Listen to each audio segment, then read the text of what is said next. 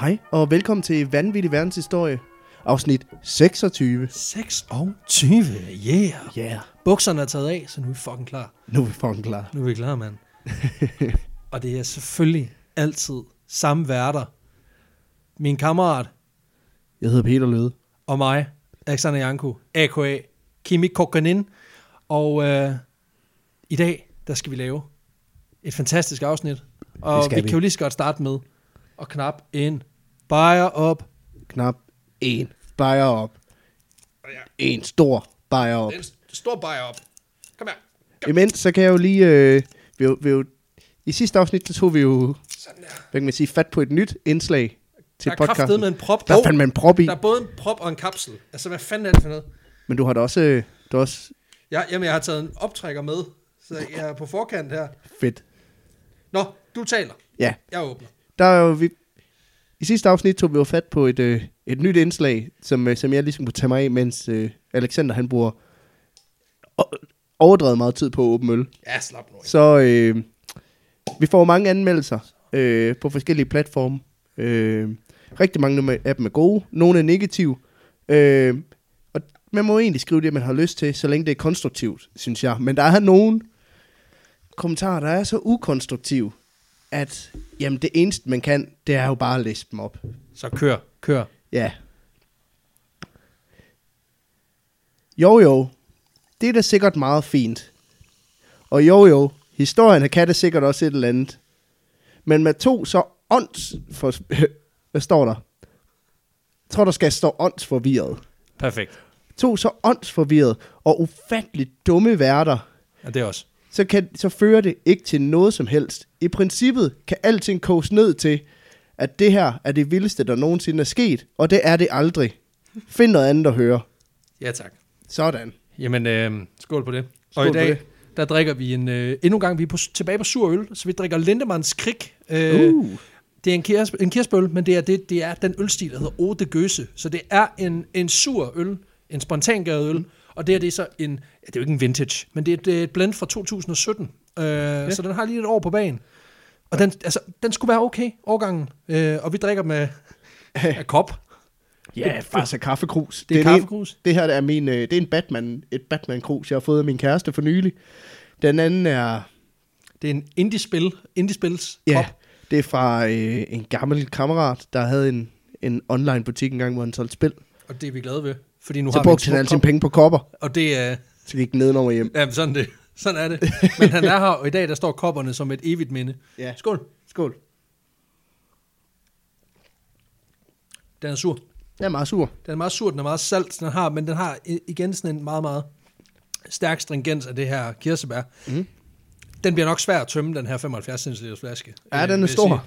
Det, øh, men, men sådan er det, og nu har vi også øh, prøvet det. Den er på størrelse med en lille vinflaske. Jo. Det er jo faktisk øh, en stor vinflaske. Fordi øh, de, nej, det er, det er jo 75 liter. Det er Ja. jo øh, det er standard vinflasken. Men øhm, Den har også samme farve som rødvin, faktisk. jamen, det har den. Ja, Den er virkelig flot, synes jeg. Øh, Men det er, den er rigtig flot, og flasken er også rigtig flot. Lige præcis. Men øhm, jeg synes Ja. bare, vi skal kaste os ud i det. Ja, altså, altså, ja, vi har jo faktisk lidt en, øh, hvad kan man sige, en har et hænger. Vi har faktisk en hænger fra, det er faktisk rigtigt. fra sidst, øh, hvor vi jo lod det være op til, til Ja. ja. lytterne, op til jer derude, og vurdere, jamen, hvor skal, hvor skulle historien om øh, Harold Camping og verdens undergang øh, placeres på vanvidsbarometeret. Endnu en af de vildeste historier nogensinde, som overhovedet ikke var det. Så, øh, Vi har, øh, vi har fået masser af kommentarer på Facebook, på det opslag, vi lavede derinde. Vi har fået kommentarer på Instagram. Der er nogen, der har sendt os øh, beskeder på Instagram og på Facebook. Der er faktisk en, der har sendt os en e-mail også. det er stærkt. Øh, der er ikke nogen, der har sendt brev, hvilket jeg er lidt skuffet over. Men øh, vi har talt det hele sammen. Vi har taget det hele sammen, og øh, Hvad lander vi på, Peter? vi lander på 74. 74. 74. Næst højeste. Nej, nej, det er jo nej, det er, et stykke under, faktisk. Ja, Det er faktisk rigtigt. men det er sjovt, fordi at jeg tror, øh, scorene har været alt fra 42 til 89. Ja, ja. Så der har virkelig været et, et, et noget spændfelt i det på den her. Og det er også omgang. noget af det, hvor man tænker, jamen når vi lægger det ud til, til jer, og nogen synes, det er det fedeste, vi nogensinde har lavet, og andre synes, at det behøver ikke lave igen. Ja. Og så ender vi måske typisk midt i. Men det er sjovt, fordi jeg synes egentlig også, at vi har altid været sådan okay til at, ligge, at tage nogle forbehold med, som vi ikke bare har skudt mega højt. Øh, og selvfølgelig vil der altid være nogen, der er uenige i vores vurdering. Og det gør også, at vi er i gang med at revamp det her øh, barometer. Og vi er faktisk i gang med at lave sådan et, et system, hvor der er, kommer til at være fem underkategorier, hvor de alle sammen bliver rangeret fra 1 til 20. Vi skal Mm. bare lige have sat sidste hånd på det. Vi har øh, konfereret med vores øh, allesammens statistikekspert, Bjarke Forskrav, Barometer, Bjarke. Bjar- Barometer Bjarke, kæmpe vinder. altså, det er sgu vildt nok at have sådan en, øh, også at have sådan en, en talnørd og en øh, programmørnørd sådan i baghånden til lige at lave nogle forskellige fede ting. Så øh, lige så snart vi, øh, vi har styr på det, det, det hedder han fra nu af. Øh, Barometer Bjarke, Barometer, Bjarke. ja, det er fint. Det, den er sgu købt. Vi må sgu også give ham en t-shirt på et tidspunkt eller et eller andet. For alt det arbejde. Nu har du brugt flere timer på det, end vi har. Så, øh, men øh, skud ud endnu en gang, Bjarke. Og øh, keep Ja. up the good works. Så bliver vi ved med at lave øh, åndssvage historier. Så du har noget at lave. Så du har noget at lave. Øh, vi skal snakke om en skør, skør historie i dag. Fordi det, vi skal snakke om Skal i vi dag, det? Ja, sjovt nok. Nå. Det, vi skal snakke om i dag, det er, hvad der sker, når en, øh, når en nabostrid, den stikker fuldstændig af. Nej. Øh, og især hvis en af parterne har hænderne skruet rigtigt på, og meget hurtigt bliver træt af pis. Fordi øh, vi skal tilbage til, selvfølgelig skal vi til vanvidets land, US of the fucking A, og så skal vi tilbage til 2004, hvor Marvin Heemeyer, han bliver internationalt og nationalt kendt for at køre en hjemmelavet tank rundt i sin øh, hjemby Granville, øh, Granby i øh, Colorado og smadrer alt omkring sig. en hjemmebygget tank. siger Ja du. tak. Og øh, jeg tænker, vi lige, vi lige bakker tanken op et øjeblik, og så starter vi simpelthen Ja. ja. lige fra begyndelsen. Os Fordi, hvordan fanden ender vi med, at vi har en mand, der simpelthen destruerer en by med en hjemmebygget tank? Ja, det vil jeg også gerne vide. Spørgsmålet på alle slæber. Jamen, øh, vi skal faktisk tilbage til 1992, mit fødeår, hvor Marvin Heemeyer, han er en ganske almindelig erhvervsdrivende i den her by. Mm. Han kommer oprindeligt fra South Dakota, men han flytter til Grand Lake, cirka 15 km fra Granby, og øh, har boet der en stor del af sit liv. Som så mange andre selvstændige erhvervsdrivende, øh, han, eller han er som så mange andre øh, selvstændige erhvervsdrivende, og har drevet en række forskellige virksomheder øh, rundt omkring i Colorado. Og i 1992, der køber han et stykke jord på 8.000 kvadratmeter i udkanten af den her by, øh, med det henblik at simpelthen at bygge en ny forretning op Mm. det han vil lave, det er, at han vil lave en, øh, en forretning, der udfører smedarbejde, primært på udstødning på biler. Det man Okay. på engelsk kalder en muffler shop. Og, øhm, ja, ja, og det, det, han har faktisk haft nogle, nogle af de her muffler shops rundt omkring i, i, i Colorado, så han har ligesom noget erfaring. Øh, og nogle af dem har han forpagtet væk, og nogle af dem, dem har han solgt osv. Så han er vist nok også ret sådan velbeslået, da han, øh, da han rykker til øh, Granby her og køber den her grund. Han flytter også til byen i forbindelse med det her. Han køber det her stykke jord af et statsligt organ i forbindelse med en større salgsrunde, hvor der er 160 grunde til salg i, øh, i hele området. Og, øh, og, og der, der køber han så simpelthen den her grund. Og over de næste mange måneder, der får han simpelthen gjort øh, grunden i stand. Den har jo stået øh, hvad man sige, lidt forladt hen. Og får bygget den her forretning færdig, får den bygget op, for ligesom få startet lidt, øh, lidt business, og begynder rent faktisk, det begynder faktisk at køre ret fint. Altså han begynder at få nogle gode kunder og sådan noget. Og Marvin her, han får også suppleret den her øh, udstødningsfikse bix mm-hmm. med en, øh, en bådopbevaringsforretning. Altså en... Opbevaring. Ja, ja, altså der, hvor når, man kan sige, øh, en båd, den skal helst ikke ligge i vand hen over vinteren. Nej, nej. Så når man tager båden op, så skal man ligesom have et sted at placere den. Og øh, der har han simpelthen... Øh, Men der er ingen reparation. Nej, ikke, ikke, ikke nødvendigvis. Ingen mufflers, der skal- Ingen, ingen mufflers, der skal fixes. Det, det er også lidt dumt med en udstødning på, øh, på, på en, øh, en speedbådsmotor, som er under vand. Øhm, men, øh, men han har simpelthen en, øh, en stor lagerhal, hvor han simpelthen øh, kan, kan, kan få de her øh, øh, skive øh, stoppet af vejen. Og det tjener han faktisk øh, ganske, ganske udmærket på. Og det kræver ingenting. Det kræver jo ikke rigtig noget, kan man sige. Han betaler 42.000 dollars for den her grund øh, i 92. Og det skal vise sig at være en ret mm. god investering, fordi øh, allerede kort tid efter, jeg mener det er cirka 9 måneder efter, eller sådan noget, der, øh, efter han har købt den her jord, så bliver han kontaktet af en anden lokal virksomhedsejer, der hedder Cody Dochev. Og han vil rigtig, rigtig gerne købe den her grund. Det handler om, at han drømmer om at bygge en cementfabrik. Øh, og det her stykke jord, det lå, ligger åbenbart i en anden form for sweet spot i forhold til at kunne flytte det her cement. Det, her, mm. det er sådan lidt ligesom en fabrik, hvor der ligger en masse øh, hvad kan man sige, cementmateriale, så bliver det mixet på fabrikken, kørt ned i de her store dump trucks, altså som jo er den her Ja. vogn med sådan en, en Ja, holder, der- der- der- der- der- der mixer, Der, der, mens jamen, som simpelthen, ja, og det er jo fordi, at cement, når det står stille, så begynder det at her og, og, og, og hærde. Så når den drejer rundt, så hærder det ikke. Det, okay. Var det for dumt? Nej, det er fordi, nu kommer vi ind på noget, hvor jeg faktisk... har- Super meget Ja, viden. nej, jeg, nej, jeg har bare tænkt rigtig meget over det. Okay, de her, du ved, de her trucks, der kører rundt og blander konsekvent hele tiden. Ja, Hvis man havde sådan en, ja. ej, det er- det er virkelig dumt. Men hvis man så... Kom nu med det. Sidder på man, nål. man, bla- blandede drinks i den. Nå, ja, sådan en stor... Altså Så, stor, simpelthen- så, så tre ton, øh, tre Vodka. ton øh, vodka, og så... Øh, sådan en stor øh, Dark and Stormy truck, der bare kører rundt, der bare kører cocktails. Det kunne sgu være meget fint. Men jeg tror, du skal afsætte, du skal afsætte nogle 100.000 liter, for at det virkelig sådan rykker. Der kan fandme være meget sådan en. ja, man er jo godt klar over, hvad drinks de koster. Jamen, det er jo det. Altså, så kunne man lave dem, så er det billig pris, hvis man kan lave. Det er jo ligesom hjemme i, hvor køber, så ringer, og så så ringer han, far, far, cocktailbilen er her. hjemme Jen er her. Hjemmetjen. Der er en forretningsidé der. I, I snupper den bare. Jeg, jeg, jeg får det aldrig lavet. Han skal præcis have for travlt med at lave dumme podcast. Så kan I- om folk, hvis I kan donere lidt på, Det det. på 10'er, hvis... Det er det. I Så kan I, bruger lige, den bare. I smider den. I smider bare lige, smid lige 40.000. i- Jeg synes selv, det er en genial idé. Det og det er en god idé. Især hvis man sådan er fire år gammel inde i Og det er skide godt. Men øhm, det er jo sådan, at, at, at sådan en øh, cementbil, den, øhm, den, den sørger ligesom for at holde det her mm. cement i rotation, og dermed sørge for, at det ikke størkner. Ja, ja. Men der er ligesom en, hvad kan man sige, en naturlig grænse for, hvor lang tid det virker, før det begynder at størkne. Og der skal helst ikke gå mere end to timer, efter at cementen er, fra den er blandet, og til den skal bruges. Og, og, og for det meste, så, så regner man faktisk med i branchen, at man maks skal have en køreafstand mm. på en time. Hvorimod en Dark and Stormy, den kan, Den kan jo holde for evigt. Altså, den, kan bare køre, den kan køre all night. Øh, men, øh, men det betyder også, at det er jo ikke lige meget, hvor man lægger sådan en cementfabrik. Fordi du kan jo ikke lægge den Nej, ud, det- ud i ingenting. Selvom Den skal det, være relativt strategisk. den skal jo være strategisk placeret. Og det er så åbenbart det, der gør, at, den, at Marvin Hiemeyers grund ligger perfekt. Og at øh, Cody Dochev her, han er villig til at kompensere ham. Mm. Og det er han. Fordi øh, faktisk så havde Dochev selv budt på den her grund øh, ved aktionen, men ifølge øh, Marvin Hiemeyer, så havde Dochev ikke penge nok til simpelthen, altså med til at betale. Mm. Jeg tænker, det her det handler om, at det er jo et statsligt organ, mm. der sælger de her grunde. Det er en, et, et, et organ, der hedder Resolution Trust Corporation, og øh, det kan være, at det er en privat virksomhed, som, mm. som handler på foranledning af staten. Og de er ligesom til for at sælge de grunde her, der er indkrævet i forbindelse med, at folk for eksempel kan betale deres lån, eller deres mortgage, eller et eller andet. Ja, ja, lige præcis. Og jeg tænker, at de simpelthen har forlangt, at betaling foregår kontant, øh, simpelthen for at sikre, at de får nogle penge. Fordi det går jo ikke, at jeg så sælger noget til dig på en auktion, og så lover du mig, at jeg får pengene, og så sker der ikke mere. Altså, de er nødt til at få pengene på dagen, for at sikre, at mm. de har penge, kan man sige. Ja, ja. Øh, og det er jo den risiko, man tager, når man går til en auktion. Der kan du købe noget super billigt, til gengæld så skal du betale for det nu. Og fordi det var 1992, kunne jeg godt forestille mig, at det der med, at vi tager den på beløbet, det ikke rigtig var en ting. Altså, de vil gerne se kontanter. Ja, ja. Og Hiemeyer, han havde kontanter. Dochev havde ikke nok kontanter. Ergo, Ma- Marvin Hiemeyer vinder auktionen. ja selvfølgelig. Okay. Men øh, Cody, han vil have den her grund.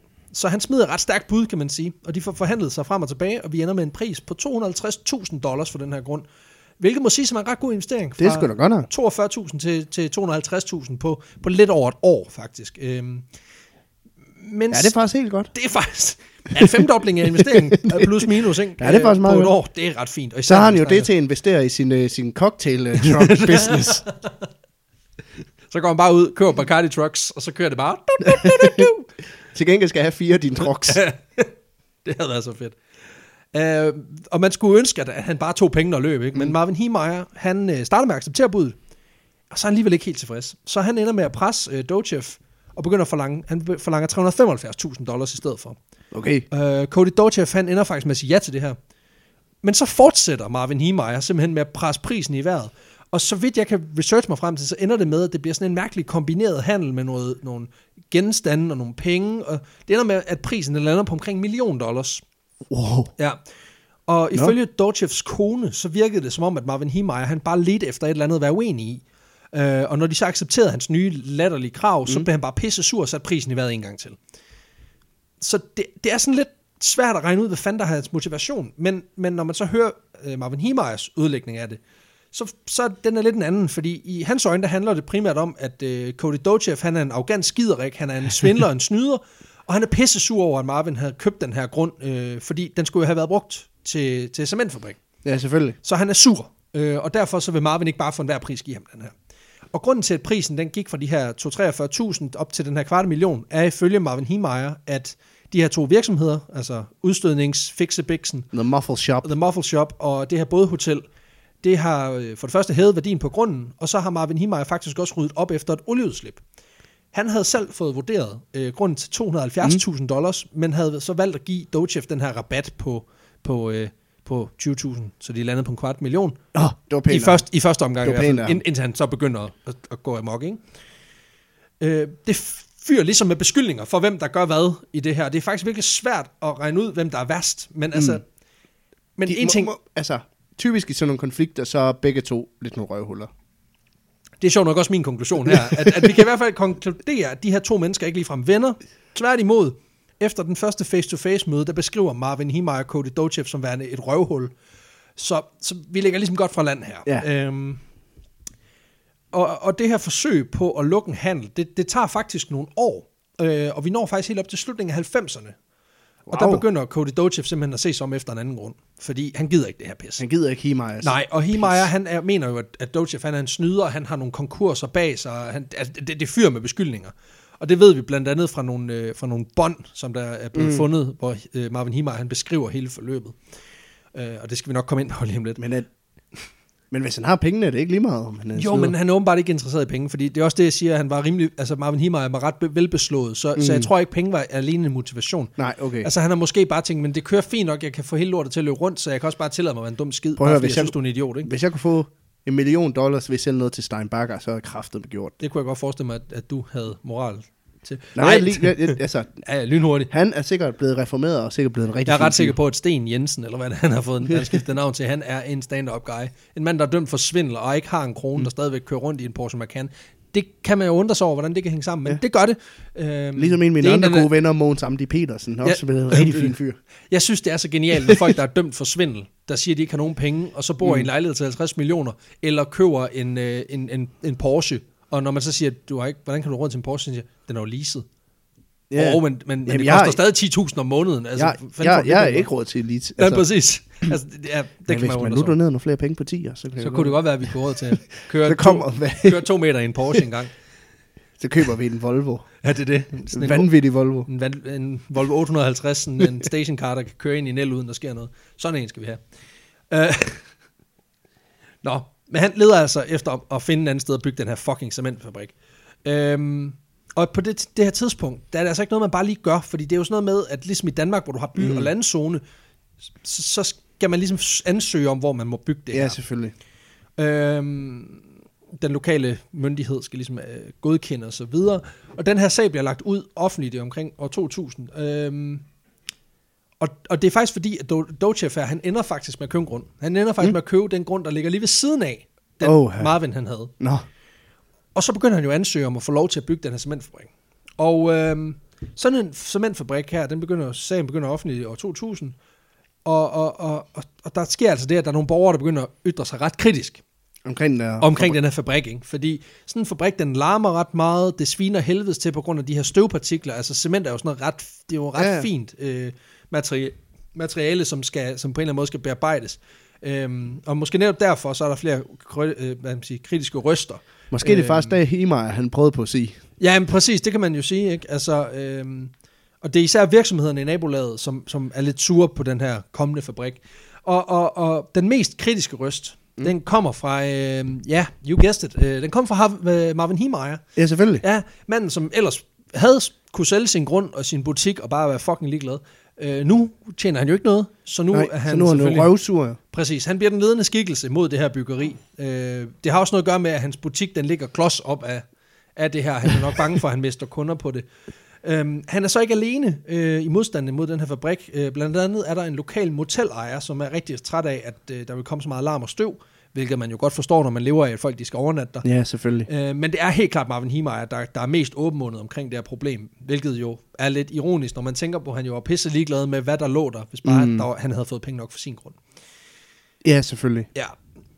Men sådan en øh, cementfabrik, den betyder ret meget for sådan et lille samfund. Fordi Der er det mange jo arbejdspladser Sådan, der er mange arbejdspladser. Det betyder, at der kan bygges ting. Når der kan lave cement, så kan der også bygges noget, så kommer der byggeprojekter, så kommer der jobs, ergo velstand. Så det lokale commission Det ved vi jo fra alle de byer, der aldrig er blevet til noget. Der er jo ingen cementfabrikker. Jamen, det er det, det er det. Altså for eksempel sådan en, øh, sådan et, en ferieresortby i Spanien, hvor der er en million øh, Mm. øh, bygninger med ingen mennesker. Det handlede simpelthen om, at der ikke var nok cement. Ja. Øh, nej, Så er det sådan, jamen vi har ingen togstation. Nej, men prøv at høre. Har I Det, det cement? skal man ikke bruge. Ej, cementfabrik. Nå, så I det, lave, det, det bliver ikke en skid. laver jeres eget tog. Det bliver ikke til en skid. Lav to cement for helvede. Nej, men altså, du, man forstår jo godt på en eller anden måde logikken bag. Altså, der skal mm. ligesom være en forudsætning for Ja. at bygge. Uh, og det betyder simpelthen også, at det her lokale commissioners board, de ender med at give godkendelse til opbygningen af den her cementfabrik, så uh, Cody Dochef, han kan gå i gang. Og den her beslutning er jo ikke pissegodt for vores lokale Nej. held, uh, Himaja. Han bliver spændt rasende, og uh, han går simpelthen straks i clinch med de lokale politikere og embedsfolk, som har truffet den her beslutning. Fordi altså en ting er, at han begynder sådan at råbe op og skrige op, øh, men han begynder også at sætte gang i en masse appeller, og prøver ligesom også at sagsøge. Han behy- så vidt jeg ved, kan research mig frem til, så begynder han at prøve at sagsøge det lokale county, Mm. for simpelthen ikke at have, have hørt ordentligt på, på ham og hans andre folk her. Øhm, det ændrer dog ikke på, at byggeriet fortsætter. Og efter et lille års tid, så står den færdig og klar til brug, mens Himaja, han stadigvæk kæmper med det her juridiske togtrækkeri, som, ja, det falder sgu ikke lige ud til hans fordel. Nå, Nej. Så øhm, ifølge tidligere borgmester i byen, der forsøgte man faktisk at hjælpe Himaja alt, hvad man kunne, øh, ved simpelthen at sørge for, at det foregik så færre som muligt. Han, øh, man mødte op til alle de mm. der appeller, man lavede øh, borgermøder, alt de her ting, så det hele det foregik efter reglerne. Hvis der var nogle papirer, han gerne ville have udleveret, så fik han det. Altså, de gjorde virkelig alt, hvad de kunne for at tække ham. Men, men ifølge borgmesteren her, der, der, altså, der var ikke noget, der hjalp. Han var, øh, Han var- relentless. han ville var bare pissed gerne- off. Han var pisse sur. Han ville bare ikke have det blev bygget. Og, øhm, med mindre, det var på den grund, han kunne sælge. Ja, præcis. Det er jo den tanke, man kan få, ikke også? Og i forbindelse med al den her ballade, så ender han faktisk også med at få en større bøde, fordi der er nogen, der anmelder ham for at have en masse skrald liggende på sin grund. Og øh, også fordi han mm. åbenbart ikke er koblet op på det lokale kloaksystem. Nå, øh, Himeyer. Himeyer, ja. Det viser sig, at han... han, han, øh, Han var pisset i et hul i, i det, 25 viser, år. det viser sig faktisk, at han har dumpet sin egen afføring i en hjemmebygget tank. som var koblet til et vandsystem et sted i nærheden. Øh, Så da sagde, at han byggede en hjemmebygget tank, så var det, det var Ja. ikke en tank. Det var, en, en pølletank, som han så kører igennem byen. Det er jo pisse ulækkert. Fy for helvede, Marvin. Hvad laver du? Nej, men... Øhm, nej, men han, øh, han har simpelthen dumpet, lavet sådan en tank, hvor han simpelthen har øh, han lavede sin egen septic-tank. Ja, det har han. Øhm, og ifølge Himaja, så forsøger han at koble sig på det her kloaksystem. Problemet er, at hans... Øh, at den nye nabo, det er for cementfabrikken, og, og der kan han ikke få lov til at komme ind, fordi han er uvenner med Cody Dochev, og tilkoblingsstedet, det ligger på cementfabrikkens grund. Nej. Jo, så han kan ikke engang komme til at koble sig på. Det er jo hans undskyldning i hvert Ja, fald. det er jo ikke min skyld, at skider et hul. Præcis, det er jo fordi ham derovre er en kæmpe idiot. Så han ender med at få en bøde på, jeg mener, det er to, øh, 2.500 dollars for, for alt det her ballade, ikke? Det er fandme heller ikke nemt at være Marvin Himaja, den her, den her Han kunne have tjent mange penge, nu tjener han ingen, og så skal han stadigvæk skide i Jamen, det er også virkelig svært at sælge, altså at reparere folks udstødninger, når de bare kan lugte og lugte af afføring hele tiden, fordi du skider et hul i jorden, ikke? Um, men det, der så sker, det er... Ja, altså, folk brokker sig over, at den der cementfabrik, den lugter lidt. Ej, den sviner. Den lugter ikke. Den, Når den lugter, bare. okay, for jeg skal også til at sige, jeg tror ikke, det er det, der er Det er ikke det, der er problemet. Nej, nej. Ej, det er Himeyer. Det er good old crazy Himeyer with his te- uh, home-built sep- septic tank. Um, altså man kan sige, det er sjovt, at folk de beskriver Marvin Himeyer som værende en meget re- øh, sådan reasonable, meget øh, regelret type, der egentlig er meget behagelig. Altså han er ikke sådan en, For han er fornuftig nok, ikke? han er ikke sådan en, der fejrer flint over ingenting. Han havde noget underligt noget med pengesager i nogle tilfælde, mm. men han var egentlig, hvis du, var, hvis, du var, hvis du behandlede ham ordentligt, så behandlede han dig ordentligt. Ja, ja. Men efterhånden, så begynder han at blive lidt træt. Altså, de her appelsager, der ikke falder ud til hans fordel, det hele, det går ligesom mm. af helvedes til. Så han begynder ligesom at gå ind i en lidt mørkere side af sig selv. Ja. Øh, hans venner havde jo som sagt beskrevet ham som en venlig mand, men, men den tidligere borgmester beskriver ham i en artikel, i citeret, som en nasty son of a bitch. altså manden, der også har sagt, vi gjorde alt, hvad vi kunne for at hjælpe ham. Der men kan, han er jo nasty det kan jo betyde ubehagelig, det kan betyde øh, beskidt. øh, dum, men det kan også betyde fucking ulækker, ja, og det bliver en skider i et hul. det bliver en vand skider i et hul. altså, sådan det. Vi kan i hvert fald konstatere, at der er blandet følelser for Himaja her i lokal uh, community her. Øhm, og øh, borgmesterens uh, udsagn uh, skal måske også lige ses i kontekst af det, der så ligesom sker, det move, han laver nu. Mm. Fordi i december 2003, der sælger han det her værksted og den her grund til en lo- til lokal skraldefirma. Ja, Så kan der komme til at lugte noget mere. det øhm, stinker i forvejen, det så det er ingen... de tænker, this smells like home and money. Om ikke andet, så kommer til at lugte bedre derude. Det er jo det. I den her aftale, den her fratrædelse eller salgsaftale, der, der får han indskrevet, at han får lov til at bruge 200 kvadratmeter af den her bygning, hvor han før havde øh, både til overvintring. Mm. Han skal altså have 200 kvadratmeter værksted, Og øh, det her værksted, det bliver lukket fuldstændig af, så man ikke kan se ind udefra. Og øh, Himeyer, han får ligesom lov til at være der fra december, og så til og med 1. juli, tror jeg det er, mm. altså et halvt år frem. Ja. Og udover det, øh, altså udover han selv den her grund, han har kæmpet for at beholde øh, og udbygge i over 10 år, så øh, leger han faktisk også sit hus ud til en kammerat, Ja. øh, og begynder sådan ligesom at sælge ud alle sine personlige ejendel. Så det, det er nærmest som om, han brygger på et eller andet. Øh, og det gør han også, øh, fordi det, det, der sker, det er, at i Han er 2001... gået brygget hjemme i septitank. Det det. uh, I 2001, der havde han anskaffet sig en 45 tons tung Komatsu uh, D335 A bulldozer. ja, og den skulle han angiveligt bruge til at bygge en ny vej imellem sit hus og sin Han skulle, forretning. ej, jeg hænger mig meget af den septitank, men altså, han Ja. skulle rydde han septitank. skulle i gang. Nej, nej, han, det, og det er en stor bulldozer. Altså 45 tons, det er sgu ikke for sjovt. Ej, det er fandme, det, er- det er Og noget af det, det et, var en, øh, øh, en, en, en D35 5A, så stor, øh, Mm. kæmpe bulldozer. en motherfucker, en ordentlig, bulldozer. ordentlig doser her. Øhm, og den skulle han angiveligt starte, det var startet med, at han skulle bygge en øh, vej mellem sit hus og hans forretning. Det, det, det var sådan, at huset lå lige bagved. Mm. Og der ville han så bygge en vej over. Øhm, og i, ifølge familien handlede det også om, at han var i gang med at prøve at se at udvide forretningen, med at lave lidt entreprenørarbejde Mm. og så videre. Øh, men det blev der sgu ikke rigtig noget af. Øh, og selvom sådan en monster hverken er billigt eller usynligt, eller på alle måder øh, vækker opsigt, øh, så er der åbenbart ikke nogen i Granby, der har stusset over den skide sure mand, som har tabt en masse af pelsager mod count, øh, det lokale county, han anskaffer sig en bulldozer. Nej. Altså, det, det er som om, de ikke, det, det tænker de ikke over. Det er, meget, det, altså, det er åbenbart meget normalt i sådan det der sådan udkants, Ja. øh, udkants øh, Colorado, at folk de anskaffer sig bare sådan, kæmpe store ved, maskiner uden Så på et eller andet tidspunkt, så får man sådan en livskrise, så køber man en bulldozer. Præcis, og nogle så- køber en Harley, andre køber en bulldozer, ikke? Øhm, Marvin, han har fandme fået nok af den her by og deres latterlige regler. Øh, så nu er det fucking tid til hævn. Og det, det bliver egentlig mere vildt af slagsen, vil jeg sige. Fordi øh, i stedet for bare at tage en bulldozer og køre den ind i rådhuset, så begynder han kraftedet med at bygge den her kæmpe industrimaskine om. Og øh, med sin mange års svar, er- erfaring fra svejsebranchen, så øh, begynder han sgu at få banket nogle ting på den her doser, som ikke er standardudstyr. Det kan Nå. jeg godt afsløre med det samme. Øhm, og øh, han, han, han er jo virkelig erfaren og har virkelig styr på sit shit. Så han starter med at bygge et kontrolrum, hvor han kan sidde og styre slagets gang. Øhm, Altså og den på, her- på oven på bulldozeren bygger han simpelthen et kontrolrum, som han svejser sammen. sådan et beskyttet. Et beskyttet rum, lige præcis. Øhm, og den her konstruktion, den bliver så massiv, at han fysisk ikke kan kigge ud. så han monterer kameraer rundt omkring på den her doser, som bliver koblet til en to-tre skærme inde i kontrolrummet, så han kan se, hvad han laver. Og vi skal huske på, at det her det er altså starten af nullerne, så det var ikke fladskærme. Det var sådan nogle, de der, altså, Kæmpe monitors. det var sådan nogle CRT-skærme, de der, altså dem med, dem, med, dem med røv på, ikke? Øhm, og derudover, så går han i gang med at gøre det her køretøj skudsikkert, øhm, så han for det første ikke bliver ramt, men faktisk også for at sikre, at han ikke bare bliver stanset lige med Ja, det første.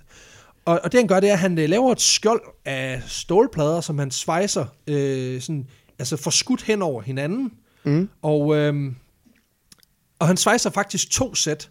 Så han starter med at svejse det her kontrolrum øh, ja. i de her plader, og så svejser han endnu et skjold, 30 cm udenpå, så der ligesom er 30 cm luft imellem de her to. Og for ligesom at gøre en- ironien ekstra tung i det her, så fylder han det her hulrum med cement. Så han ender med at have en 33 cm tyk komposit, øh, komposit øh, værn, øh, skal rundt Og- om, om sig selv, Og som er ligesom et værn mod... tung bulldozer. En tung bulldozer. Øhm, og det er ligesom det her værn mod omverdenen, som gør, at han ligesom... Altså, de kan ikke bare komme ind. Øhm, den kombo gør, at hans... Fylder øh, lidt gødning i os. det er det. Ah, men ej, han, han er faktisk ikke på den måde, der, altså, der, altså, det, det, det er meget defense, det her, Okay. vil jeg sige. Øhm, den kombo her gør, at hans hjemmebyggede tank, den kan holde til skud fra almindelige håndvåben og til eksplosiver. øhm, hvis der nu lige skulle, skulle, ja, skulle hvis- komme noget af det, ikke? Øhm, og han arbejder faktisk på den her i, øh, i over halvandet år i deltid, altså hvor han ikke, han er ikke fuldtid på, men han sådan går og lige og svejser lidt. Det kan jeg også godt lide, hvordan han forklarede det til... Altså, jeg ved Jamen, godt, der er jo ikke nogen, der opdager det. Det, det er jo det, der er så sindssygt. Der er ikke nogen, der har opdaget det her. Altså, hans familie var godt klar, at han købte den her store bulldozer, Ja, ja, ja. fordi at han skulle bygge en Ja. vej, eller hvad fanden Ja, men så har han bare gemt væk og sagt, jeg har den ikke Så, længere så, eller et eller andet. jamen, det har jeg ikke lige fået gjort. Ja, præcis. Ja, ja. Altså, den står Nå. bare. Det er der ikke nogen, der stiller spørgsmålstegn ved. Og det er sjovt, Til at der er begyndt at komme meget ude i laden alligevel. Jamen, det er det. Og, og det er sjovt, at der er flere mennesker, der besøger hans værksted, men de, de lægger ikke mærke til den her. Øhm, og, og det er virkelig en, en dødsmaskine, som han, er, han har fået bygget, og den er virkelig gennemtænkt, fordi udover, øhm, udover den her kæmpe store 33 cm tykke, øh, hvad man siger, skal, mm. som jo består af to plader, der er halvanden, der er halvanden centimeter stål, og så 30 cm Ja. øh, øh, cement. Så har han fået de her, på de her kameraer fået øh, monteret 7 cm tykt øh, skudsikker glas, og så er der blevet koblet trykluftslanger på, på forsiden af dem. Fordi så kan han simpelthen, hvis der kommer murbrokker eller et eller andet, så han ikke kan se, hvad han laver, så kan han lige skyde med det, for det er blevet støvet af. Øhm, Nå, det er sådan en form for sprinkler. Ja, præcis. Med, med støv så, ikke? Ja. Eller med, med, med, med trykluft. Og så har han fået lavet klimaindlæg, eller klimaanlæg inde i førerhuset. Ja, det skal være rart. Eller, Jeg tillader mig at kalde det førbunkeren. Altså, når det er armeret, armeret cement, så, så er det sgu en bunker. bygget en førerbunker ovenpå. Oven på hjul, hvilket er ret godt tænkt. Uh, og det er simpelthen for, at han ikke får det pisvarmt på det her togt. Ja, selvfølgelig. Øhm, og og øh, selvfølgelig så har han også lige fået bygget øh, skydeskår ind, øhm, så der er plads til, at han kan have tre gunsmætter ind. så han kan skyde tre Fordi- retninger. Fordi det er USA. Ja, Cos America, ikke? Øhm, ikke nogen granatkaster eller et eller andet sindssygt, men, men han ender altså med at få bygget det her øh, 60 plus tons tunge bæltekøretøj, som så øh, den 3. juni 2004 står klar til kamp. øh, Himeyer, han sætter sig til rette i den her nybyggede øh, tank, og øh, så får han lavet sådan en anordning. Der er sådan en luge oppe i toppen, mm. ligesom på en almindelig tank, og den bliver simpelthen, altså den, han sætter et eller andet i spænd, og så hopper han ned i den, og så slår han det der spænd ja. derfra, så den lukker permanent. Øhm, Så det ikke kan komme ud igen. det er nemlig det, for man får lavet nogle undersøgelser af det her køretøj, og det viser sig simpelthen, at konstruktionen er lavet på en måde, som gør, at når han først var derinde, Mm. så kommer han ikke ud igen. Så det var for real. Det var fucking for real. Han vidste godt, at det var en one-way ticket. Så øh, Ja, du, du laver ikke en killdozer. Øh, øh. det er lige præcis det, man ikke gør. Og nu skal der fucking smadres nogle ting. øhm, men inden vi kaster os ud i det, så, øh, så synes jeg lige, du skal se et billede af konstruktionen. Han er en super skurk. Yes. Prøv at se. Der har vi, der har vi svinet. Det ligner sådan en førerbunker. Ja, og, og, og det der er vigtigt lige at tage notits af her, altså man kan sige, du kan se, at han har fået bygget altså de her førerhus henover, mm. og så er der et bæl, altså bæltekøretøjet nedenunder, og så er der en kran om bagved. Den har så ikke nogen funktion, kan jeg forstå. Nå.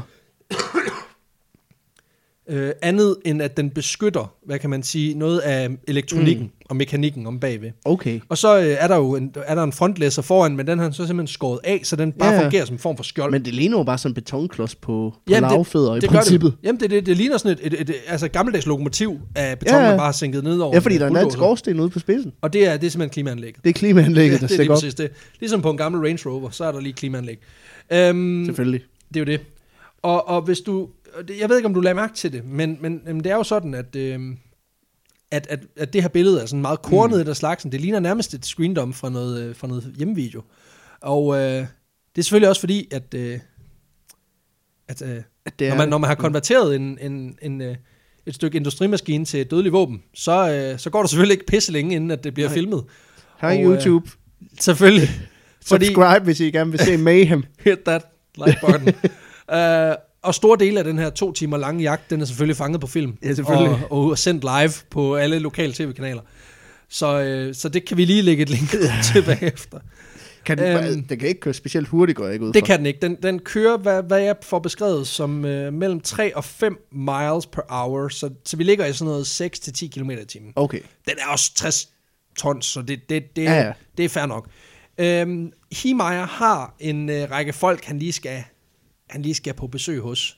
så han har ligesom planlagt en rute, sådan en form for festrute. Så det er lidt Det er ligesom form- studenterkørsel. Sådan en form for popcrawl, han Ja, skal på. præcis. Og øhm, vi starter med skideringen inde ved siden af. Ja. Cody Dochev og hans latterlige cementprojekt. så Marvin Himeyer, han starter med at smadre ud igennem den her garage på den her bygning. Og, øhm, og så sætter han kurs mod naboen, hvor han, øh, ja, hvor han må- bare går i gang. Det må også være virkelig træls at sætte sig ned i det der førerhus, og så klapper den i, du kan ikke komme ud, og så kommer en tanke om, du har glemt, at, du glemt at pisse af. Ja, du, ej, ja, det er lige meget, han er vant til lugten af pis, så han kører bare. Og også bare, du ved, at han har glemt at slukke ovnen. Satans. Ja. Kaffemaskinen Hader, når det sker. Hader, når det sker. Ja, eller, eller også, at øh, du ved, at chokeren på, øh, på, på motoren ikke starter, og man sidder der. Nå, det var så det. Så må jeg jo dø herinde. Ja. Du kan ikke ringe efter hjælp, fordi der er ingen forbindelse inde Nå, i sådan det betonklods. Er klar over, hvor dårlig 3, øh, 3G-signal der er sådan inde i sådan en killdozer? Nej, men han, øh, han hammer ud igennem øh, bygningen og, og sætter kurs mod øh, Mountain Park Concrete Plant. Og øh, jeg synes jo, at det er vigtigt lige at nævne, mm. at hans lejeaftale på den her garage, den var overskrevet med fire dage. øh, så det der med lige at smadre bygningen på vej ud, det er fandme lidt et dick move. Den bliver Men- trukket i det punkt. Ja, men jeg tror sgu ærligt talt, at, at, at han er sgu... Altså, det er ikke det første dick move, han laver Nej, øh, der- den der- dag, og det er langt fra det Der sidste. er several fucks given. Ja, præcis. Men igen, altså, Men han igen, virker han- som en ordentlig type, så det er bare sådan lidt, lidt lort at lave den som den sidste her, men altså... Han er jo blevet... Han er, ja, Han, han er jo blevet en super... Det er jo, Han er blevet super skurk. Han er gået full, han er gået full retard. Altså, det, det kører bare. Så øhm, Hi- Himar, han starter med at meje ind i cementfabrikkens administrationsbygning, hvilket øh, selvfølgelig lige får personale på dupperne. Blandt andet Cody Dochev, som lige kommer så over chokket, og så bagefter så hopper han op i en, i en af hans egne øh, bulldozer, for simpelthen at prøve at få væltet den her killdozer. øh, men det lykkes så er ikke. der simpelthen... så er der, The, Bulldozer Battle. så er der sådan en, sådan en mærkelig form for øh, battlebots, bare med, bare med bulldozer. Men øh, det lykkes simpelthen ikke, fordi den er, den er også fucking tung, den her Ja. maskine, så det kommer ikke til at ske. Øh, Himeyer, han smadrer... Jeg forestiller mig, øh, det er ligesom, du ved, i de helt gamle GTA-spil. Ja, ja, ja. Der Der det, kunne hvor man du- ser det fra oven. Nej, nej, jeg tænker mere på GTA 3 og de der til Ah. PlayStation 2, hvor så kunne du få en tank, hvis du trykkede den rigtige Det er kode. rigtigt, det er rigtigt. Og den her tank, det var jo også bare... Det var jo sådan en, en, en killing machine. Ja, den kunne ikke slås ihjel. Ja, og den sprang alt i luften, og den kørte ind i jo. Ja, det er rigtigt. Jamen, det, og det er lidt sådan, vi, det, Ja. det er lidt sådan, vi ruller her. Han er gået, han er gået GTA Vice City på. Jamen, det er han. Øh, Fuck, hvor fedt. Han, øh, han smadrer administrationsbygningen, og så river han hele bagenden af den her cementfabrik fra Ej. Hinanden, øh, inden han sætter kurs mod øh, Grambys hovedgade. Og så tager vi lige sådan, og hopper vi lige ned, Jeg er rimelig sikker på, at han har kørt væk sådan, fuck you! har sådan en stor fuckfinger øh, plakat, sådan en, en papfigur, lige hopper op. Øhm, og nu hopper vi lige ned i, øh, altså over skulderen på 15-årige Eric Brenner, som cykler rundt med sin øh, far i området, da han hører en masse larm og en del skud. Øh, han forstår ikke rigtig, hvad der foregår. Øh, Så naturligt, så sætter de begge to kurs mod den her cementfabrik. Ja. Fordi det er USA, så selvfølgelig, når du hører skud, så kører du selvfølgelig retning af dem, i stedet for at køre den modsatte vej. Øh, fordi de er nogle fucking idioter. Og Eric, han beskriver i en af de artikler, jeg har fundet på det, at øh, Hemeyer, han smadrer nogle bygninger mm. og kører hen over en politibil, som, øh, som bliver smadret. Og så beskriver han også, hvordan de lokale, de begynder at gribe deres våben og begynder at skyde på den her maskine, uden at der sker noget som helst. Han har Øh, fandme oplevet noget den dag. Jamen, det er det, altså. Og, og, og igen med de her øh, to gange øh, halvanden centimeter tyk stålplader, og så 30 cm øh, tung beton i, i, i, imellem, så mm. er, er Himeyers maskine, den er ustoppelig. Næsten det. i hvert fald. Og øhm, altså, det er også bare vildt det der med, at du ser noget, du ser et eller andet smadret en administrationsbygning, mm. og det du gør, det er, at du går ind og henter din pumpgun, og begynder Øh. at skyde på den, selvom du kan se, at den er lavet af metal. Ja. Altså, det er hvis, jeg sådan bare helt skørt. hvis jeg plukker den nok. Præcis. Ja, det er lidt, igen, lidt ligesom i GTA, hvis du bare skyder på en bil nok gange samme sted, så går der ild i den, og så springer den i luften. Fordi det er sådan, logikken foregår Ja, ja, lige præcis. Ja. Og øh, en eller anden nyhedsstation, de får relativt hurtigt en øh, helikopter i luften og begynder at filme det her, øh, og sende det live på fjernsyn. Ja, selvfølgelig, fordi Mens, det er øh, fucking godt tv. Det er det. Og han sætter så kurs mod, øh, ind mod centrum af byen. Og øh, de her billeder, de viser en øh, bulldozer, som helt stille og roligt bare ramler igennem den her helt almindelige provinsby og bare smadrer bygninger på sin vej. Øh, og samtidig så ser man så lokale, der ligesom springer for livet, og politiet, der på alle måder forsøger at stoppe den her maskine med de få muligheder, Ja. de så har. Og alle andre, der prøver at plukke den. Ja, præcis. altså, det, det ser helt skørt ud. Øhm, der er blandt andet en af betjentene, der over øh, kommunikationen, mm-hmm. radiokommunikationen, råber, jeg skal bare have det største panserbrydende ammunition, I har. og, og, altså, det er ligesom bare, bare lige for at illustrere, at det, altså, de, de er presset på det her tidspunkt. Ikke? Og, og det er ret fedt, fordi altså, man ser jo bare den her doser, der bare banker ind i forskellige bygninger. Mm-hmm. Og så kan man se, der står nogle politifolk, de står sådan mere, mere eller mindre bare kigger på den, fordi Hvad, hvad, hvad de kan ikke rigtig gøre noget. Altså, fordi de, de, de aner ikke, hvad fanden de skal gøre. Faktisk så bliver det på et tidspunkt angiveligt så slemt, at guvernøren for, for Colorado, han overvejer at indsætte øh, National Guard. Ja. Øhm, og meget specifikt en af deres Apache-helikoptere, som enten med et Hellfire eller et Javelin-missil skulle stoppe den her, øh, skulle stoppe den her Vi tank. simpelthen bombarderer den. Præcis. Du ved, ligesom vi gør i Irak. Øhm, at vi snakker, altså et Hellfire-missil, det er kraftet med, det er seriøse tunge skyts. Men han, Men alligevel herren har vel også været lidt sådan, godt lavet. det skulle alligevel... Han er oppe på fem stjerner. Nu kører øhm, men der er simpelthen nogle civile hensyn, som gør, at det var en rigtig lort idé. Ikke? Så, tag, så det, altså, og det er også kun sådan... Bekym... Ja, ja. USA, der bekymrer sig om, når det er deres egen civile. Ja, det er science civil. Ja, ja, selvfølgelig. Hallo. Come on, mand. Uh, Nej, men, øhm, men ja. Øh, så, og det, det er også mere, mm. jeg har læst det i to forskellige artikler, det her med, at, at guvernøren han, han angiveligt overvejer den her mulighed. Men det er altid, det skal tages lidt med grænsalt, kan man sige. Eller græns, grænsement, i hvert fald. Borgmesteren i Granby på det her tidspunkt, en fyr, der hedder Edward Wang, mm. han udtaler... Wang.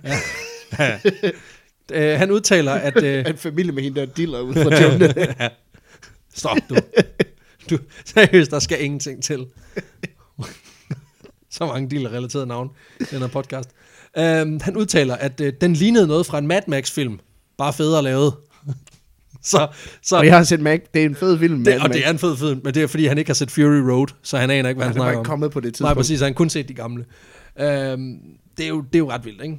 Og, og Hemeyers Rampage her er jo, som vi Det snakkede er om... også vildt nok borgmesteren. Ja, ja, præcis! Hvi- Hvis by er ved at blive smadret, så er han bare sådan, "Altså, den, den er fed. Den er sgu egentlig meget fed, egentlig. Ja. ja. Altså, det er frygteligt, men... Men hold også det- fedt. Det, det er sgu cool nok, ikke? Jamen, det, det, det, er også det, der, der det sådan fangede mig. Det var det med, det alligevel også... Han har ikke fået bare- mange stemmer efter det der. Nej, det er det. Nej, men igen, de, de lader også til, at de bare går på af, som de passer, ikke? Øhm, han, han, Himeyer, han, som jeg nævnte i starten, han havde ligesom en række personer, han var sur på, ikke? Så øh, han går specifikt efter at udrette skade på specifikke folk. Han vil gerne smadre Mhm. en masse forskellige ting. Blandt andet så kører han alle træerne ned i, øh, på en af de centrale Fordi veje. fuck træer. Fordi fuck træer. øh, og det er sådan nogle, der lige var blevet anlagt, og han synes, de var grimme, og så banker han bare over. Øh, men han går også efter specifikke folk, som han føler har pisset ham op og ned i ryggen, ikke? Derfor så går turen blandt andet et smut forbi rådhuset, hvor han hammer ind i facaden og smadrer bygningen. Den går forbi det for lokale Jeg elværk. skal grine om borgmesteren derefter, for det så stadig sejt ud. Det er så fedt. Nå, jamen, altså, du må også bare erkende, hvis det ser fedt ud. øhm, han kører forbi det lokale elværk, hvor han smadrer en del af bygningen, fordi en af de ansatte øh, havde siddet i den komité, som havde givet grønt lys til at bygge den her cementfabrik. øhm, det går ud over forskellige, der har, rela- der har hvad man siger, relation til den her sag. Og man kan sige, det er jo lidt spekulativt alt sammen, men, men virkeligheden er også bare, at den her mand, han er fucking træt af folks lort. Og, og han har bygget en fucking killdozer, som er i gang med at smadre, facaderne, øh, øh, smadre facader og bygninger i den her by, fordi han ikke fik sin vilje. Så, så det der med at sige, hvad var motivet? Mm. Altså, rimelig det er ret åbenlyst, fordi det er ikke sådan, at han bare kører ind i en bygning og så bare fortsætter. Altså, han går specifikt efter nogle bestemte bygninger, hvor der tilfældigvis også er folk, der har Der siddet noget med, med, med, med det her at gøre. Ja. Lige præcis. Øhm, han, øh, han tager lige en, øh, en lille tur ned af Agath Avenue, hvor han smadrer en bank, hvor der også var et komitémedlem ansat. Og så går turen ellers mod øh, Sky High News, som lyder som en øh, nyhedsstation, hvor Snoop Doggy Dogg han er redaktør. Uh, det tror jeg ikke, han er, men det lyder sådan. Uh, der var åbenbart også nogen, der havde været imod ham, altså været sådan, fået ham udstedt lidt som en lokal idiot og alt det der. Uh, mens de havde rullet nogle blunts, så havde de bare høvlet Martin Niemeyer. Det må være meget sjovt, sådan du ved, dem, dem der sidder og sender det live, de sender det live på Sky High News. Han kommer nu. Og så, ja, så kan de se sådan, hvor den på vej hen? Nej, for satan! Film! Fik du det? Fik Hent, du det, John? hent geværen! Hent geværene. Get the bazookas. Men øhm, ja, de har også været imod ham, så de skal selvfølgelig også have nogle tæsk. Øhm, han ruller videre, De, smadrer... de, de har bare tænkt, jamen om vi får gode billeder. Det gør Jamen det, jo, jo, men altså, sådan er det jo med journalister. Hvis du, altså, hvis, der var på et tidspunkt, der ligger et fantastisk legendarisk klip på YouTube af en, øh, en, en kvindelig reporter fra Georgien, mm. der står og rapporterer fra et, øh, et sted, altså sådan en aktiv krigszone. Og så er der en granat, der går af cirka 75 meter væk eller sådan noget. Og så kommer der et granatfragment igennem hendes arm, Ej. så hun begynder bare at stå og bløde, og hun kører bare videre. Og så ser man bare, der kommer sådan en eller anden teko løbende og begynder at forbinde hendes arm, mens hun bare fortsætter med at snakke. Mm. Ja, som I kan se lige bag mig, så er det altså serious business, vi er ude i her, og det står bare og pisser ud. Min arm faldt af. Og det er bare gode, det er jo gode billeder. Det er virkelig sindssygt, men det, ja, så, så det er jo sådan en ting, journalister de har. Ja. Øh, den der liderlighed efter at få, få det til at lykkes. Ikke? Øhm, han triller lige så stille videre, og så øh, går han efter at smadre den gamle borgmesters hus. Han, han var godt nok død, øh, og den eneste, der boede der, det var hans enke. Men øh, fuck Men- det lort. Men fuck hende. vi, præcis, vi rydder det lort alligevel. var gift med et Din, røvhul. din mand var en kæmpe nar, så nu smadrer jeg dit hus. Fanden er det, der foregår, mand? Ja. Men der var no mercy. Han er fucking ligeglad. Ham her, kammeraten. Han slår et sving forbi det lokale gasværk. Men det, er også, Øhm, øh, det jeg godt kan lide ved det, det er sådan, du ved, rigtig mange af de der sådan, forbrydelser, hvor folk de vil hævne sig, det, det er meget spontant, var det sådan noget, han nu gør kraft. Han har bygget på den der i flere år, det er det. og der er ikke et tidspunkt, hvor han har stået og været i gang med at bygge, hvor han tænkte, er det en god idé at bygge et... Det er også for meget. Det er også Ej. for meget. Ej, det er også åndssvagt, du bygger en killdozer. Det kommer aldrig til at virke alligevel, og det, det er også lidt led. Og det er jo ikke rigtig... Altså, ja, jo, jo. Altså, men det er også dig, Måske har jeg det også det er også dig, den er gal med Niemeyer og sådan noget. Ja, jo, jo. Altså, han har bare tænkt sig, nu skal de kraftedeme. Det, han har holdt sin rage, sin rage crow ret længe. Altså, han har sådan formået at dosere det længe nok til, at han har sådan noget stået med en hjemmebygget kran og fået sænket det her cement ned i den her form, og har gjort alt muligt. Jeg har stadigvæk tænkt, Ja, fuck, det bliver fedt at smadre den enkes hus med den fucking so. Kæft, jeg glæder mig til at se ham ind på øh, cementfabrikkens ansigt, når jeg kører ind. Ja, åh, jeg kan godt lide den snært ironi. Han har også en bulldozer. Det skal være bulldozer sikker også. det er det. Det er præcis. Jamen, han- må have tænkt sådan nogle af de der tanker, ikke? Hold kæft, jeg vil gerne se den bulldozer battle. Hvor de bare de cirkler om hinanden. og Sådan prøver Me- lidt. Me- Mexican standoff. Ja, de, det er det. Den ene så griber en klo, og den anden, du ved, er bygget af cement. det er den, der er bygget af cement, der vinder. Um, han slår et sving forbi det lokale gasværk, og, øh, og forsøger, ifølge en politimand, som står så på, at skabe en eksplosion ved simpelthen at skyde igennem de her øh, skydeskår, og gå efter gastankene. det er også griner nok, den politimand har bare stået og kigget på, fordi han har konkluderet. Det kan, ja, ja, Jeg kan jo gøre det for helvede. Uh, igen, jeg har også nævnt det der med, at han bare står og kigger. Uh, det lykkes dog ikke, så han vender skuden mod sit næste uh, mål, nemlig et lokalt byggemarked, hvor der var et var ejet af endnu et uh, komitémedlem. Og på det her tidspunkt, der har politiet jo ikke rigtig gjort noget, og, og det, det, nu siger jeg, at de ikke rigtig har gjort noget, og det kan også lyde som om, at politiet de ikke engang prøvede. Og det er ikke helt rigtigt, fordi ja. de prøver blandt andet at skyde de her kameraer i stykker. Men fordi der er 7 cm tykt øh, skudsikker glas, så lykkes det ikke. Det lykkes dem på et tidspunkt at få spidt en flashgranat ned i det her udstødningsrør til klimaanlægget. Det hjælper heller ikke noget. Og Der bliver bare lidt varmt derinde. Det er det. Præcis, jeg tænkte. Ja, det er en new car, jeg lugter. Pine needles. Det lugter bedre, end har plejer. det, det, det, det, det er også fordi, jeg er pisset over hjørnet. Det, kæft, hvor er jeg egentlig ulækker. det er virkelig, hans sådan selvrealisering gået op for ham. Det er også bare sjovt, at- sådan, fordi... man ved også bare, at han er siddet i sådan en eller anden ulækker wife-beater derinde, og så bare kørt i underbukser, fordi why even bother, altså. Jeg kommer fra en familie, der har været meget engageret i det her lokalpolitik ude i Herning Kommune, ikke? Mm. Mm. Øh, der er forskellige poster og sådan noget, hvor det er sådan... Altså, jeg ved godt, folk de bliver sure over skolelukninger, men det er aldrig kommet dertil. Ej, det er også det, det, man skal huske at tjekke den lokale entreprenør, fordi du ved godt, at hvis det går amok, Ja. så går det virkelig amok. Men øhm, de prøver også at skyde, politiet prøver også at skyde den her dozer. Det hjælper heller ikke noget. Og så er der en undersheriff, der hedder øh, Glenn Trainor. Han hopper faktisk op på den her dozer, Nå. for at prøve at finde en åbning. Øh, men han ender med at må opgive, fordi det simpelthen regner ned med murbrokker og tag og sådan, og sådan lort. Der ligesom falder alt det, han kører igennem. jeg synes, det er meget fedt, at han sådan rodeo-mounter den her fucking killdozer og prøver ligesom at sige, kan jeg banke mig igennem eller et eller andet. Uh, så, så, så politiet, bare for at sige, de prøvede virkelig. Uh, og, og, og de prøver at få skovlen under ham. Og det kan de ikke. Skov, lu- Ja, og det kommer, fordi det, der sker nemlig noget, fordi han når til det her byggemarked, øh, og den her dozer er efterhånden ved at være lidt medtaget af alle de bygninger, den har smadret. Så køleren foran, den har faktisk taget imod en del tæsk, øhm, og da han kører ind i det her byggemarked, der sidder doseren faktisk fast. Nej, Jo, fordi der ligger åbenbart en kælder lige der, hvor han kørte, nej. og den kan altså ikke tåle de her 60 plus tons, øh, så den, den falder nemlig, simpelthen ned. Han blev simpelthen Og fanget i, i, en voldgrav. Han bliver Simpelthen. ja, der var simpelthen en usynlig voldgrav rundt om et byggemarked. Who would have known? de har været klar. Ja. Himeyer, han slår bakgear. Øhm, Ham, der den byggede det der byggemarked, han har været sådan, den skal, den skal være her. Jamen, hvorfor skal vi bygge den? Jamen, det er i tilfælde af, det ved jeg ikke, hvis der kommer en 60 tons bulldog, hvorfor skulle det komme? Man ved aldrig, man kan aldrig, stået- man skal ved, altid være på sådan- sikre side. Han har stået sådan en gammel tandløs bygmar- byggemarkedsejer, stået og kigget, stået med en rive, og så hans kone, hun har stået og sagt, gå nu væk derfra, han kommer lige om lidt. Og så har han bare set den crash igennem, og så var sådan, Lone, der kan du se, hvad jeg sagde. Det, det var en god idé, Det var en god idé med den krybekælder. en god idé at investere i det. Det var alle pengene værd. Han har bare han har stået og kigget på, fordi han vidste, um, I'm gonna- kælderen tager den. Ja, I'm gonna, Det var derfor, vi byggede den. det er det. Det er en killdozer kælder. Killdozer kælder. Ligesom at doseren, den var, den var bulldozer sikret, så var, så var byggemarkedet, det var killdozer sikret. Who would have known? Han havde den. øhm, Himeyer, han øh, bakker, eller han prøver i hvert fald, og doseren den går i stå, og motoren den kan simpelthen ikke starte igen. Nej. Jo.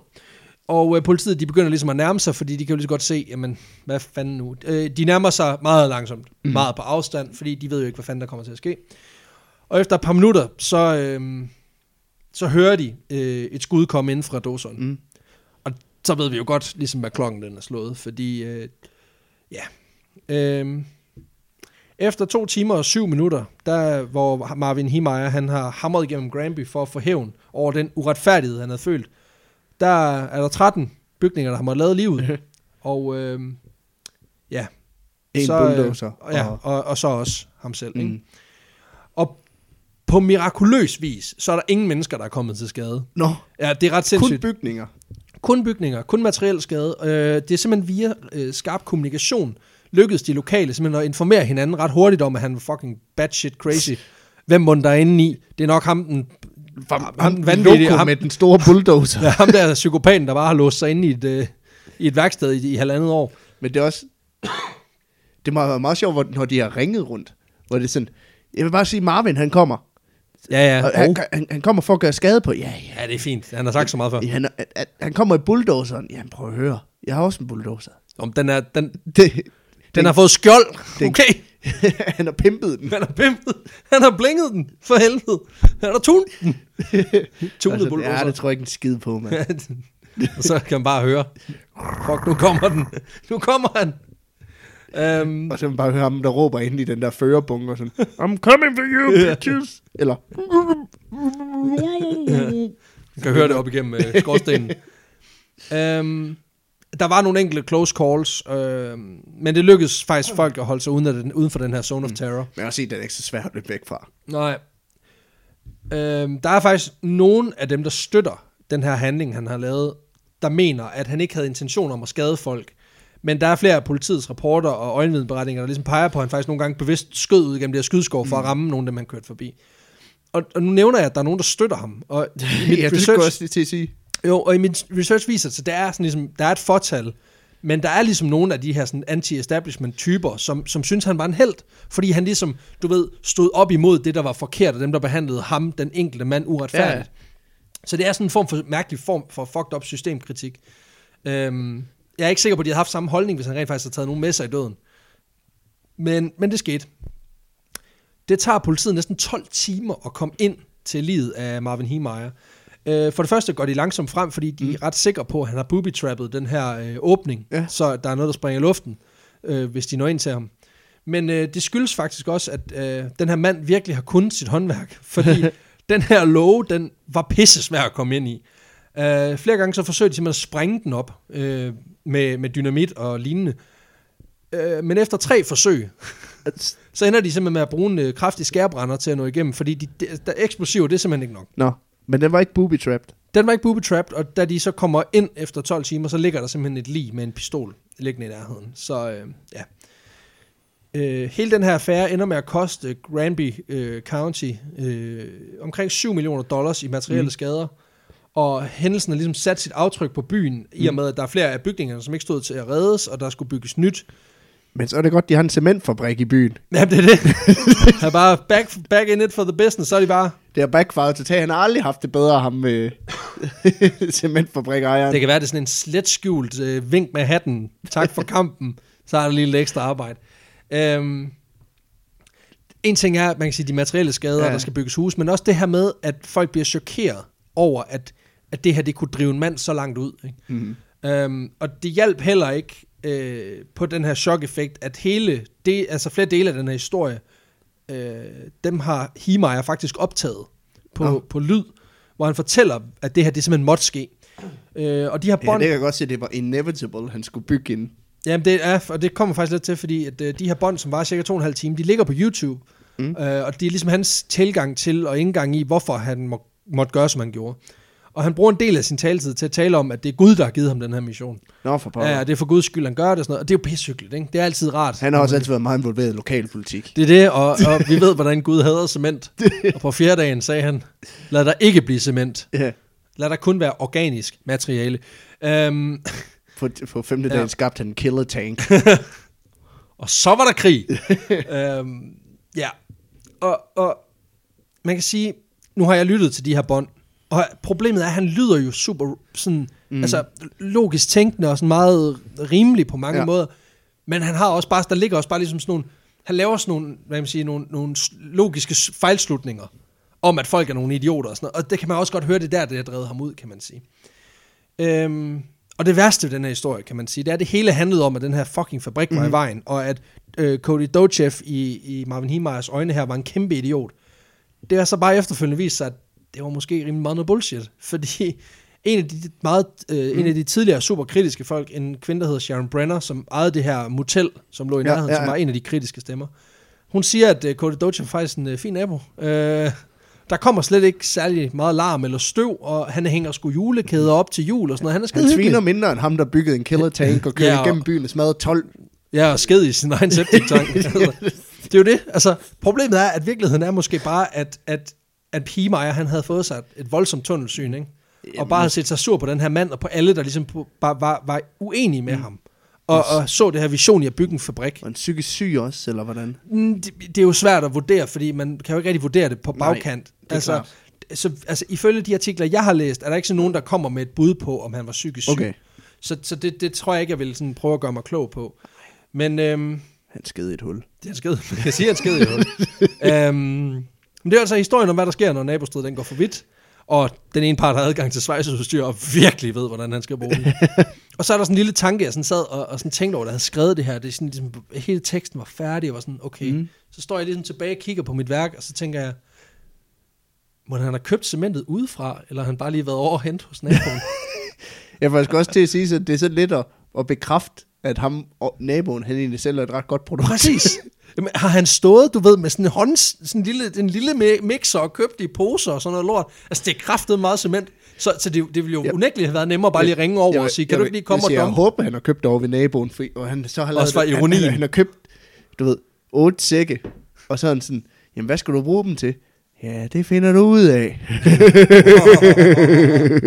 Og da de har forsøgt at skulle åbne den her tank, og Cody Doge har forstået ved siden af, de sådan, vi kan kraftedeme ikke få den op. Nej, det sgu da klart, det er mit cement for helvede. Det er køb for- det, køb det! Woo, woo, woo, woo, woo. At han ikke har kørt et eller andet øh, reklame. Reklame stunt, hvor han bare købte det der, det der helikoptermateriale og bare sagt, if you want shit that lasts, Ja. buy of cement. Min, min ta- tank var bygget af mit cement. Jeres bygninger var bygget af noget andet.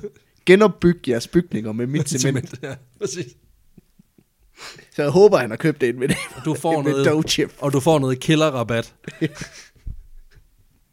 Husk at skrive killdozer i rabatfeltet og få 30%. Så han, så det, han var, altså, det jeg godt kan lide, det er også det der med, han, han altså, han er jo en Batman-skurk. Ja. Altså, han er jo, han er jo sådan en jysk Batman, ikke? Ja, ja. Det kan jeg ret godt lide. Men han er rappelende vanvittig. Og, og det, er bare sådan en, det er bare sådan en skør historie. Så øh, jeg synes, vi skal have Ka- den... Øh, Captain Killdozer. Captain Killdozer. Jeg synes, vi skal have den øh, rangeret på vores vanvidsbarometer. Ja, det synes jeg, vi skal. Uh, det.